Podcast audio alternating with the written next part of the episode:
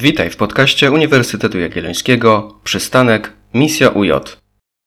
Dzień dobry. W tym odcinku podcastu porozmawiamy z profesor Iwoną Kowalską-Bobko o czymś, co często wzbudza wiele dyskusji, a mianowicie o ochronie zdrowia i kolejkach do lekarzy specjalistów. Jak wygląda w tej chwili sytuacja w Polsce? Dzień dobry. Jeśli chodzi o system ochrony zdrowia, to sytuacja jest bardzo dynamiczna. Myślę, że kolejki w systemie ochrony zdrowia wynikają z tego, że zasadniczo mamy w tym systemie za mało pieniędzy.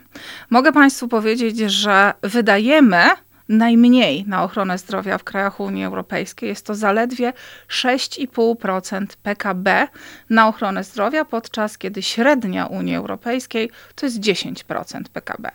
Przy czym te 6,5% to są łączone wydatki publiczne i prywatne. Tych publicznych mamy zaledwie 4,5%. Co prawda mamy zobowiązania ustawowe do tego, że w 2027 roku osiągniemy 7% PKB samych publicznych nakładów na ochronę zdrowia. Kiedy to połączymy z prywatnymi, pewnie osiągniemy 10,5, ale Unia wtedy będzie już pewnie wydawała 15, a zatem cały czas będziemy w tyle. Ale dlaczego o tym mówię? Dlatego, że właśnie brak pieniędzy powoduje, że musimy w sposób świadomy ograniczać dostępność do świadczeń zdrowotnych. Jedną z metod ograniczania tej dostępności jest yy, kreowanie kolejki. I jak Państwo zapewne wiecie, bo każdy chodzi do lekarza, dostaje skierowanie, lekarz decyduje, e, czy ustawia nas w kolejce pilnej czy stabilnej. A zatem mamy te dwa tryby, prawda, ustawowo przewidziane, pilny i stabilny. Jeżeli to jest tryb pilny, wówczas ta kolejka jest krótsza, natomiast jeżeli jest tryb stabilny, to niestety czasem musimy bardzo, bardzo długo czekać. A zatem brak pieniędzy w systemie ochrony zdrowia, ale też brak kadr medycznych, bo muszę Państwu powiedzieć, że mamy też bardzo y, niską liczbę lekarzy i pielęgniarek na tysiąc mieszkańców. Jeśli chodzi o pielęgniarki, to jest niecałe sześć pielęgniarek na tysiąc, a jeśli chodzi o lekarzy, to jest około 3,5 do 4 w zależności od statystyk. Tak czy inaczej, jest to jeden z najniższych poziomów. W Unii Europejskiej, średnia Unii Europejskiej to jest 4,5 lekarzy na tysiąc i prawie 8 pielęgniarek. A zatem jesteśmy w tyle.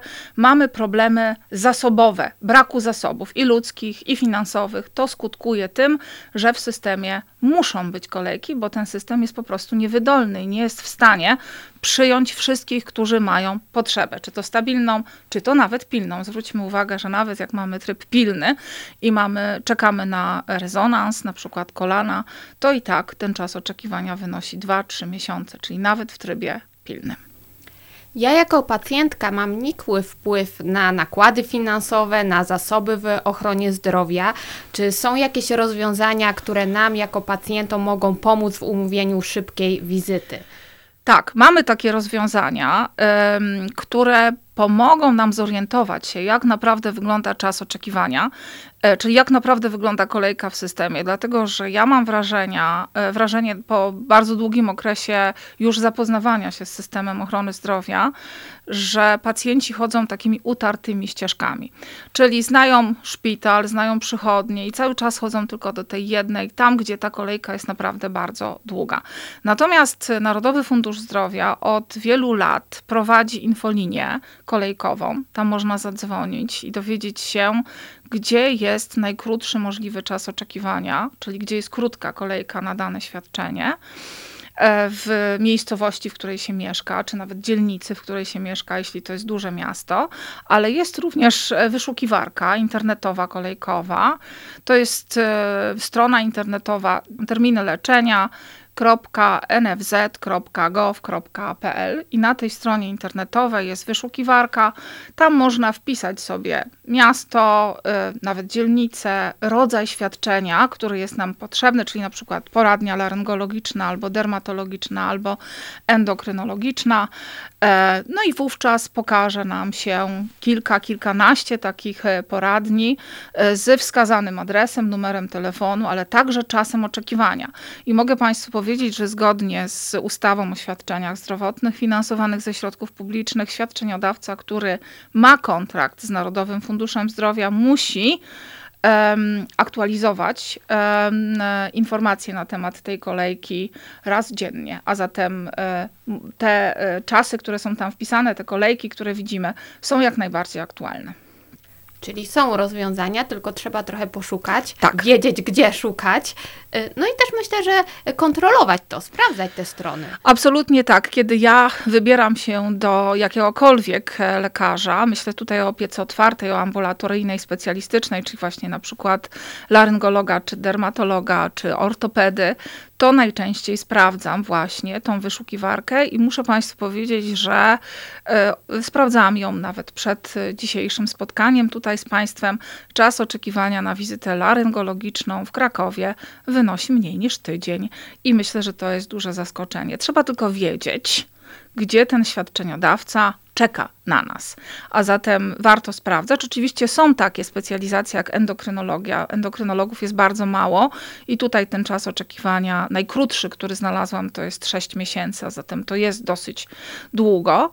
E, Czy też okulista, tutaj już dwa miesiące czas oczekiwania. No niemniej jednak e, dwa miesiące to nie jest też aż takie przerażające w publicznym systemie ochrony e, zdrowia. Więc dla wszystkich Państwa bardzo gorąco polecam wyszukiwarka Narodowego Funduszu Zdrowia o terminach leczenia albo infolinia kolejkowa. Tam już pracownik NFZ-u poinformuje nas, gdzie pod jakim adresem, pod jakim numerem telefonu możemy się umówić na wizytę z tym krótkim czasem oczekiwania. Słuchając tego wszystkiego, mam też wrażenie, że my jako pacjenci powinniśmy być odpowiedzialni, bo czasami ktoś umawia się na wizytę, nie przychodzi, ale jej nie odwołuje. Podobnie jest z zabiegami. To też chyba sprawia problem i wydłuża te kolejki. To jest ogromny problem. Proszę Państwa, to jest ogromny problem. My mamy miliony wizyt, które zostały zaplanowane, zamówione i nieodwołane, a to jest czas, który lekarz mógłby poświęcić na przyjęcie e, innego pacjenta, który właśnie oczekuje, który stoi w kolejce, który ma pilny problem do skonsultowania. Takich przypadków jest bardzo dużo, dlatego e, podejmowane są rozmowy na poziomie mm, parlamentarnym, rządowym, ale też eksperckim, jak takie sytuacje rozwiązać. Mogę Państwu powiedzieć, że na przykład w szwedzkim systemie ochrony zdrowia płaci się karę za e, nieodwołanie zaplanowanej wizyty, a jeżeli to jest niemożliwe, bo na przykład mamy niższe dochody, to taka osoba e, no, nie może się umówić w przeciągu miesiąca na wizytę, bo jest po prostu blokowana. Właśnie dlatego, że nie odwołała wizyty. Moim zdaniem e, taki system, bo zawsze można się zastanawiać, czy marchewka, czy kij. W tym przypadku akurat ten, ta metoda kija sprawdza się lepiej, ona jest bardziej skuteczna, bardziej efektywna, a zatem powinniśmy się zastanowić, jak zdyscyplinować wszystkich pacjentów do tego, żeby odwołać wizytę, jeżeli ona jest e, niepotrzebna, z myślą taką, że ktoś może z, przecież z niej skorzystać. Zauważyłam, że ten problem nasila się właśnie w okresie wakacyjnym, gdzie wiele osób wyjeżdża i zapomina po prostu o tym, że ta wizyta była umówiona. Tak, jestem przekonana, że to jest taki okres, w którym najwięcej mamy takich wizyt nieodwołanych, natomiast myślę, że budowanie odpowiedzialności e, takiej obywatelskiej będzie polegało na tym, że no, ktoś kiedyś poniesie tą karę, zapamięta i następnym razem po prostu odwoła tą wizytę, bo to nic nie kosztuje. To kosztuje tylko telefon i informację, że nie, nie przyjdę, nie mogę przyjść, nie dam rady.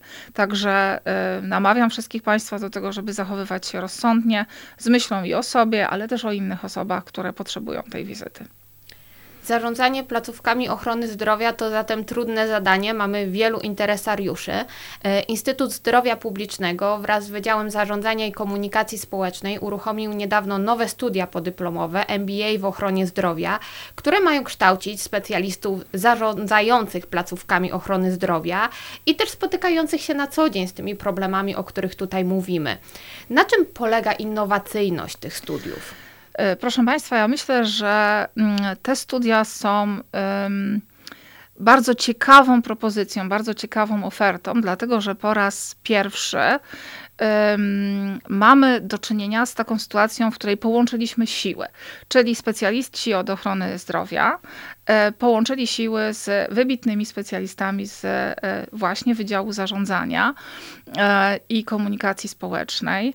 I to nam daje gwarancję na to, że popatrzymy na różne problemy ochrony zdrowia z dwóch bardzo interesujących dla menadżera ochrony zdrowia perspektyw. My w Instytucie Zdrowia Publicznego mamy najdłuższy w Polsce dorobek, jeśli chodzi o badania e, w systemów ochrony zdrowia, ale też e, najdłużej kształcimy, bo ponad 30 lat kadrę zarządzającą w systemie ochrony zdrowia. Natomiast brakuje nam takiego biznesowego e, spojrzenia na system ochrony zdrowia, które z kolei mają specjaliści od zarządzania i komunikacji e, społecznej. Także ten program jest skrojony dla takiego współczesnego, nowoczesnego menadżera, który będzie chciał rozwiązywać różne problemy, w jednostce, w podmiocie leczniczym, czy to szpitalu, czy to podstawowej opiece zdrowotnej, czy to innym podmiocie, w oparciu o najnowsze doniesienia naukowe, ale też taką działalność praktyczną, dlatego że mm, na kierunku MBA w ochronie zdrowia będziemy zatrudniać wielu praktyków znanych w Polsce, dyrektorów y, najważniejszych, największych szpitali, ale także te bardzo ważnych, znanych ekspertów e, systemowych, takich jak chociażby dr Małgorzata Gałąska-Sobotka z Uniwersytetu Azarskiego, ale też innych. Nasza kadra też jest rozpoznawalna w Polsce, jeśli chodzi o system ochrony zdrowia i mam nadzieję, że jesteśmy w stanie przekazać tą najbardziej istotną z punktu widzenia też czasów postpandemicznych, bo proszę zwrócić uwagę, ta dynamika systemowa wynika z tego,